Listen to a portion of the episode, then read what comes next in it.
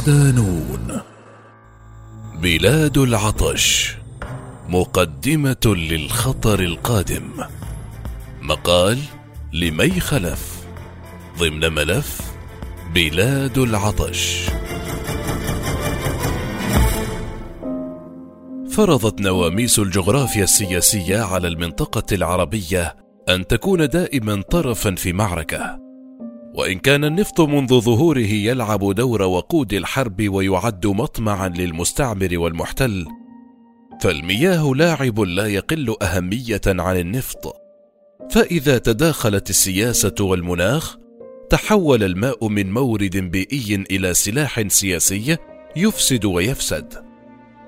بيد أن إفساد شريان الحياة الأساسي يعد بالمعنى الحرفي للكلمة قاتلا. وإن فكرنا بالمسألة كمعادلة تجتمع فيها الصراعات والحروب والفساد السياسي للأنظمة والمناخ الجاف للمنطقة نجد أنفسنا أمام نتيجة مستقبلية حتمية العطش. انطلاقا من هذا الفهم والقلق نحاول في ملف بلاد العطش الإضاءة على أزمة المياه في المنطقة العربية كمشكلة منبعها اتحاد السياسة والمناخ وضحيتها الإنسان العربي. كيف تشعل المياه نيران الحرب وتغذي النزاعات؟ تتخذ العلاقة بين المياه والصراعات السياسية اشكالا عدة. ففي الحرب تكون المياه أداة عسكرية نافذة وهدفا عسكريا حساسا لدى الفاعلين الحكوميين وغير الحكوميين على اختلاف أهدافهم السياسية. إذ تستخدم الدولة موارد وأنظمة المياه كسلاح هجوم أو دفاع أو قمع خلال العمليات العسكرية التي ينفذها الجيش ضد العدو أو لقمع الحراك السياسي الداخلي. مثل تجفيف صدام لمنطقة كاملة جنوبي العراق في التسعينات قمعا لاحتجاجات الشيعة في الأهوار. فيما تتجه الجماعات الإرهابية والميليشيات والثوار لتحقيق مكاسب سياسية قد نرى تطبيقات هذه العلاقة علميا. حين نقرأ أخبار استهداف منابع المياه والسدود والخزانات الرئيسية وإمدادات المياه المؤدية إلى منطقة في ساحة النزاع هذا إضافة لفرض حصار مائي على مناطق معينة بهدف إضعافها والسيطرة عليها. هذه الأشكال من العلاقة بين المياه والصراعات تنطبق على المعارك الجارية. في حين يتغير شكل العلاقة في مرحلة ما بعد المعركة أو في المناطق التي تكون فيها السلطه متنفذة بشكل شبه كامل بمواجهة مدنيين أو سلطة منزوعة أو ضعيفة النفوذ. يمكن النظر إلى علاقة إسرائيل بالضفة وغزة مثلا. هنا تكون المياه أداة تحكم وسيطرة على المجتمع نفسه بهدف خنق أي ممكنات للتحرك المناهض للسلطة أو إضعاف القدرة على الصمود والمقاومة وإحكام السيطرة عليه اقتصاديا وأمنيا واجتماعيا بهدف تغيير أو حفظ الوضع القائم لصالح المستعمر أو المحتل. وإذا أضفنا عامل التغير المناخي للمنطقة العربية نجد أن اندماج عاملي المناخ والصراعات يخلق اشكالا جديدة من الضعف الاجتماعي ويعمق التصدعات ويغذي النزاعات القائمة أصلا في المجتمع أو بين الدول. أي أن انعدام الأمن المائي وما يتبعه من عواقب على الأمن الغذائي وتهديدات بالتهجير وزعزعة النظام السياسي القائم يحفز الاضطرابات الاجتماعية والسياسية وكلما زادت هشاشه الدولة والتصدعات القائمة فيها أصلا ازدادت الخطورة. وبطبيعة الحال يزخر العالم العربي بأمثلة وقصص لا يمكن سرد جميعها إلا أن الإضاءة على بعض منها يفيد في فهم أبعاد أزمة المياه في منطقتنا سواء باعتبارها مشكلة مناخ وفساد إدارة موارد أم نتاجا للاضطرابات السياسية والحروب أو ورقة سياسية تستخدمها الحكومات المستبدة في منطقتنا لخدمة مصالحها في علاقتها مع القوى العظمى. في حين أن الملف سيفصل قصص دول عربية مختلفة مثل مصر والعراق والمغرب وليبيا والخليج العربي. نطرح في المقدمة مثالين اثنين من عسكرة المياه في فلسطين على يد الاحتلال الإسرائيلي وفي سوريا على يد النظام والفصائل. مياه فلسطين أداة محو وسيطرة بيد الاحتلال.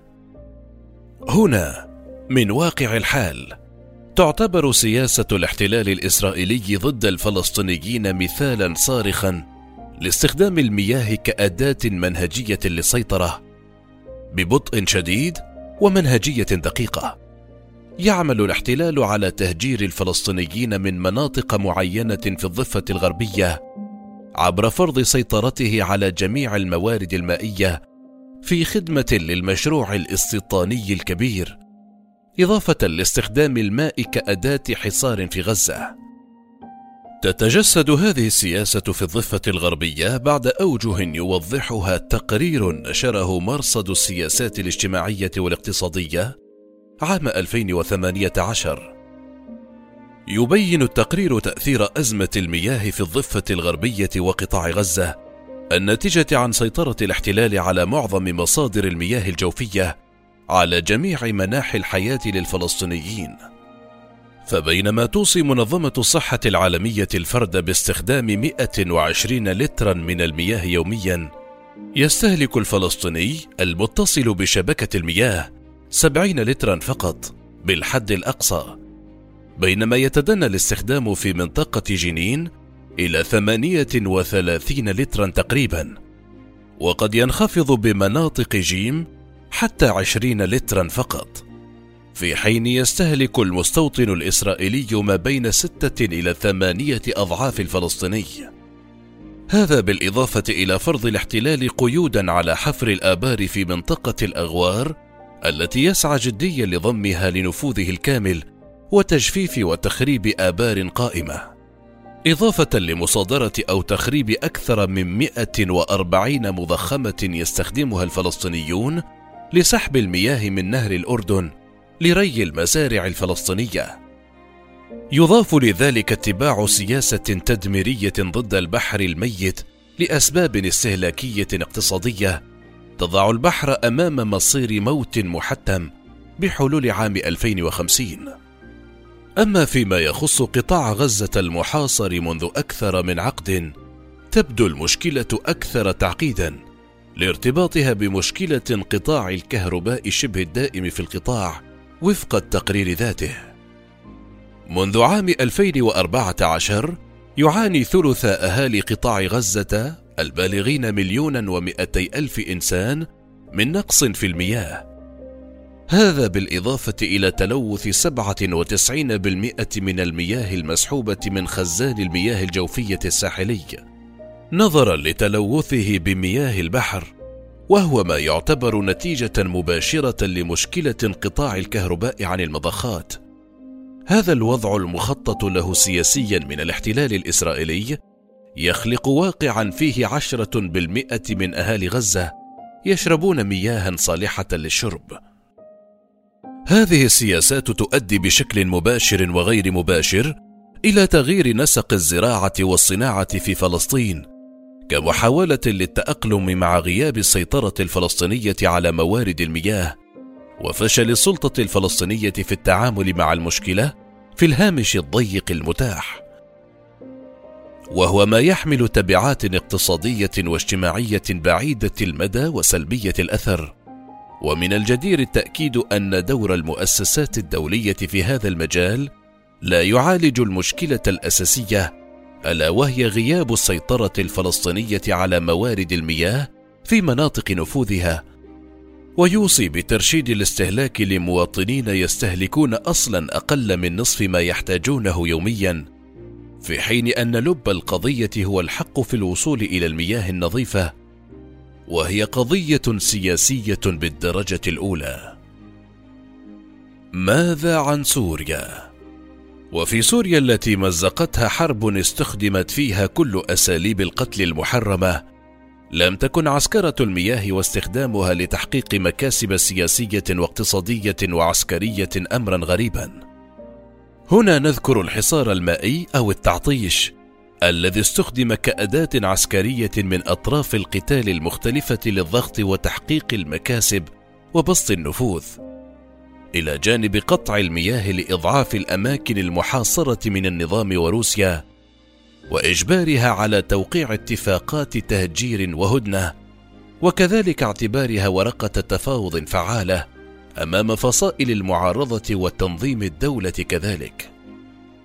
استخدمت المياه كأداة عسكرية على طول سنين القتال في سوريا وفي كل المناطق تقريبا نذكر منها عين الفيجة الواقعة في منطقة وادي بردة بريف دمشق الشمالي الغربي التي ظلت تستخدم كورقة ضغط بين النظام والفصائل تعتبر مثالا صارخا على ما نحاول قوله هنا. إذ بقي شريان الحياة الرئيسي لدمشق لسنوات ورقة ضغط بين نظام الأسد وفصائل المعارضة قصف خلالها المنبع عدة مرات منها في 2014 ونهاية 2016 وفي 2017 حتى خرج جزئيا عن الخدمة. كان ذلك رغم دخول الاتفاق الروسي التركي لوقف إطلاق النار في سوريا حيز التنفيذ في ديسمبر كانون الأول عام 2016 إلا أن استهداف المنبع جاء في سياق الضغط على المعارضة لتوقيع اتفاق تهجير جديد. ضمن سياسة التعطيش خلال الحصار. برز اتباع نظام الأسد لاستراتيجية قطع المياه عن جنوب دمشق ومخيمات اللاجئين الفلسطينيين في سوريا. تحديدا مخيم اليرموك الذي حوصر لسنوات وقطعت عنه المياه غالبية فترة الحصار. يضاف لذلك قطع المياه عن القرى المعارضة جنوب دمشق التي تسبب قطع المياه في كثير من الحالات فيها بتسمم الأهالي نظرا للجوئهم لاستخراج مياه الآبار غير الصالحة للشرب. كما حصل في قرية الحجر الأسود حين عوقبت جماعيا بقطع المياه لفترة طويلة لرفضها اتفاق الهدنة مع النظام عام 2014 ووقوعها تحت الحصار لسنوات قبل تهجير أهلها ولم يقتصر تطبيق الاستراتيجية على جنوب دمشق حيث واجهت مناطق أخرى كثيرة ذات المصير تمهيدا للسيطرة عليها. ظهرت المياه كأداة قوية للتفاوض وربما للردع المشترك في شمال وشرق سوريا في الصراع بين النظام وتنظيم الدولة وفصائل المعارضة. في تلك المنطقة توزعت السيطرة على شبكة المياه والكهرباء على القوى الثلاثة المتصارعة للسيطرة على حلب. حيث كانت محطة المياه المركزية في مدينة حلب بيد المعارضة، فيما سيطر تنظيم الدولة على محطة ضخ المياه للمحافظة الموجودة في منطقة الخفسة بمحافظة الرقة، معقل التنظيم حينها. فيما سيطر نظام الأسد على شبكة الكهرباء المغذية للمحطتين، وعليه كان يمكن لكل طرف الضغط على الآخر باستخدام ما بيده فيما ترك الناس لمصيرهم بانتظار الماء. بقي نهج التعطيش مستمرا حتى المعارك الأخيرة التي شنتها القوات الروسية ونظام الأسد مؤخرا على إدلب الملجأ الأخير للنازحين بهدف السيطرة على أهم ما تبقى في يد الثوار وفصائل المعارضة. إذ وثق تعمد القوات الروسية قصف محطات المياه ومحطات الكهرباء المغذية لها. إضافة لخزانات المياه المركزية من بين نقاط الاستهداف كان خزان المياه الأخير في معرة النعمان الذي كان يوفر المياه لمئة وستين ألف سوري ومحطتي وخزان مياه في بلدة الهبيط وكفر عين وبعابدين جنوب إدلب.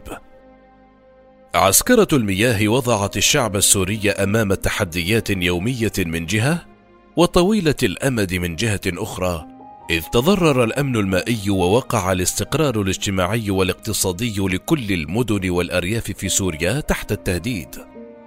إضافة للتغييرات القسرية التي جرت على نسق الزراعة في مناطق مختلفة في سوريا بسبب نقص المياه أو صعوبة الوصول إليها، أو تلوثها أو محاولة الوصول إليها عبر حفر آبار بشكل غير مدروس يحمل عواقب صحية وبيئية غير محمودة. واقع تسبب بالضرر أو فقدان أكثر من نصف القدرة على الإنتاج الكلي للمياه في سوريا وترك سبعين بالمئة من السوريين حتى عام 2016 دون مياه شرب آمنة بشكل منتظم. وفق دراسة مفصلة لمركز عمران للدراسات نشرت عام 2016 لا يمكن حصر ملف عسكرة المياه في الأمثلة المذكورة فقط ولا في الجانب السياسي والعسكري فحسب فإن العامل المناخي والتأثير المباشر على حياتنا اليومية يحتملان النظر إلى القصة من جانبها البيئي والواقع اليومي المعاش. ماذا يعني لنا نقص المياه؟ لا يمل سيل التقارير الدورية سواء الصادرة عن المؤسسات الدولية أم تلك المحلية. من التحذير والتنبيه من خطورة ما قد يؤول إليه حال المواطن العربي إذا استمرت الدول بإهمال مشكلة المياه والتغير المناخي المتفاقمة وإن استمرت الأطراف المتنازعة بإفساد المياه باستخدامها كأداة في الحرب فإن سيناريو مثل الهجرة المناخية القسريه إثر تحول جزء من المنطقة العربية لمكان غير قابل للحياة. وإن بدا الآن صعبا للتخيل إلا أنه في الواقع سيناريو غير مستبعد. بل إن تقارير صدرت هذا العام حذرت من اختفاء مدن نألفها مثل الإسكندرية إلى جانب تحذيرها من أن مدنا عدة في منطقتنا لن تعود ملائمة للحياة خلال عقود. تقدم التقارير أرقاما وجداول ورسوما بيانية كثيرة لتشرح هذه الخطورة بالأرقام لكن لنحاول تبسيط الأمر وتجسيد الخطورة بشرح تمظهراتها في حياتنا. يمكن أن نقول التالي وفقا لوكالة نازا عام 2016 فترة الجفاف الحالية في المنطقة العربية حوض البحر الأبيض لبنان فلسطين الأردن سوريا هي الأسوأ منذ 900 عام البنك الدولي عام 2025 سيتعرض 80 إلى 100 مليون شخص في منطقة الشرق الأوسط إلى ضغوط يومية بسبب نقص المياه. وفق برنامج الأمم المتحدة للتنمية، بحلول 2045 من المتوقع أن يزداد الطلب على المياه في المنطقة العربية بنسبة 60%. بينما ستقل الموارد المخصصة للفرد الواحد إلى النصف عام 2050 وفق تقرير حديث لميدل إست آي. معهد ماكس بلانك الألماني. بحلول عام 2050 ستكون درجات الحرارة في منطقة الشرق الأوسط وشمال إفريقيا أعلى بأربع درجات مئوية وبحلول 2050 من المتوقع أن يؤدي تغير المناخ إلى تقليل الجريان السطحي للمياه بنسبة عشرة بالمئة. بحلول نهاية القرن قد تصل درجات الحرارة خلال النهار إلى خمسين درجة مئوية مع مئتي يوم من الحرارة الاستثنائية كل عام. إن لم تتخذ إجراءات فورية سيستمر البحر الميت بالانكماش لأكثر من متر فاصل اثنين سنويا حتى يجف تماما عام 2050 لن يتوقف سيل التحذيرات هذا عن الورود لكن لا يبدو أنه سيوقف السياسة ولا آلة الحرب الطاحنة منها والناعمة لذا فإن إمكانية الفعل تتمثل في دق الجدران أي العمل المكثف عبر الهوامش المتاحة في كل بلد سواء كانت تلك الهوامش المنظومة السياسية أم المجتمع المدني المحلي أو عبر المؤسسات الدولية المعنية حتى إن لم تستجب السياسة. وفي هذا الملف الذي سينشر على مدار أسبوع تقريبا نحاول الإضاءة على مشكلة المياه في غالبية الدول العربية وهو ما نعتبره امرا ملحا يساعد في فهم الأخبار اليومية المتفرقة وتكوين صورة أكبر وأوضح لإدراك حجم الخطر القادم.